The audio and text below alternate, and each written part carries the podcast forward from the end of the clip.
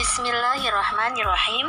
Assalamualaikum warahmatullahi wabarakatuh.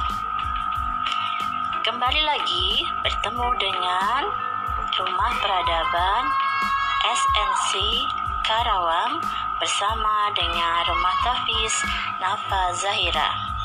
Hari ini Bu Siti akan mencoba membacakan kisah tentang Rasulullah Shallallahu Alaihi Wasallam yang berjudul Zuhud seperti Rasulullah. Kisah ini diambil dari